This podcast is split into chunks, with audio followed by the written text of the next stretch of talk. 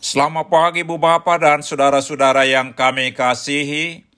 Kami dari Yayasan Badan Kerjasama Marturia mengucapkan selamat beraktivitas hari ini di dalam penyertaan Tuhan kita Yesus Kristus.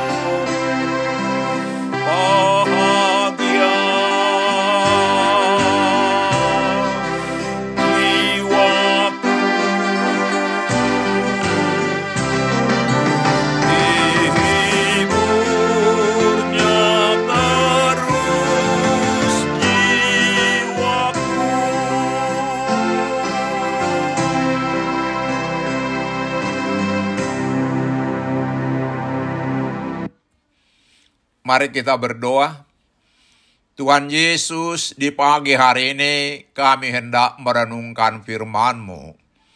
Berikan kepada kami hikmat dan pengertian untuk memahami firman-Mu dan tolong kami Tuhan untuk melakukan firman-Mu dalam kehidupan kami. Amin. Saudara-saudara yang dikasihi Tuhan Yesus, firman Tuhan untuk kita renungkan di pagi hari ini terambil dari 1 Samuel 2 ayat 6 dengan tema Tuhan berkuasa mengubahkan demikian firman Tuhan. Tuhan mematikan dan menghidupkan. Ia menurunkan ke dalam dunia orang mati dan mengangkat dari sana. Ketika pergumulan berat menimpa seolah tanpa jalan ada keluar, tentu kita akan merasa hidup kita gelap. Namun, ketika jalan keluar terlihat di depan mata, kita akan merasakan sukacita yang luar biasa. Sukacita itulah yang dialami Hana ketika Tuhan menjawab doanya. Hana yang dulunya mandul dan dihina penina madunya, sekarang dikaruniai seorang anak yang diberi nama Samuel. 1 Samuel pertama ayat 27 dan 28. Karena itulah Hana berdoa menyampaikan puji-pujiannya kepada Tuhan.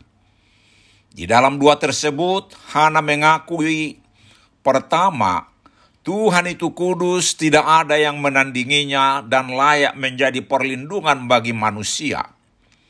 Kedua, bahwa Tuhan mampu mengubah keadaannya sebagai terhina menurut pandangan manusia menjadi orang terhormat. Ejekan penina yang merendahkannya dibungkam oleh Allah. 1 Samuel 2 ayat 3 sampai 5.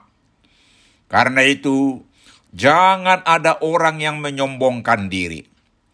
Itulah juga yang diakuinya di ayat hari ini, bahwa Allah berkuasa mematikan dan menghidupkan, ia menurunkan ke dalam dunia orang mati dan mengangkat dari sana.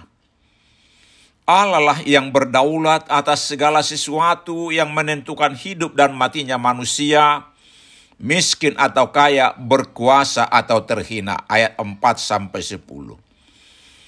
Saudara-saudara yang dikasihi Tuhan Yesus, apa yang dialami Hana ini dapat juga dialami oleh setiap orang percaya.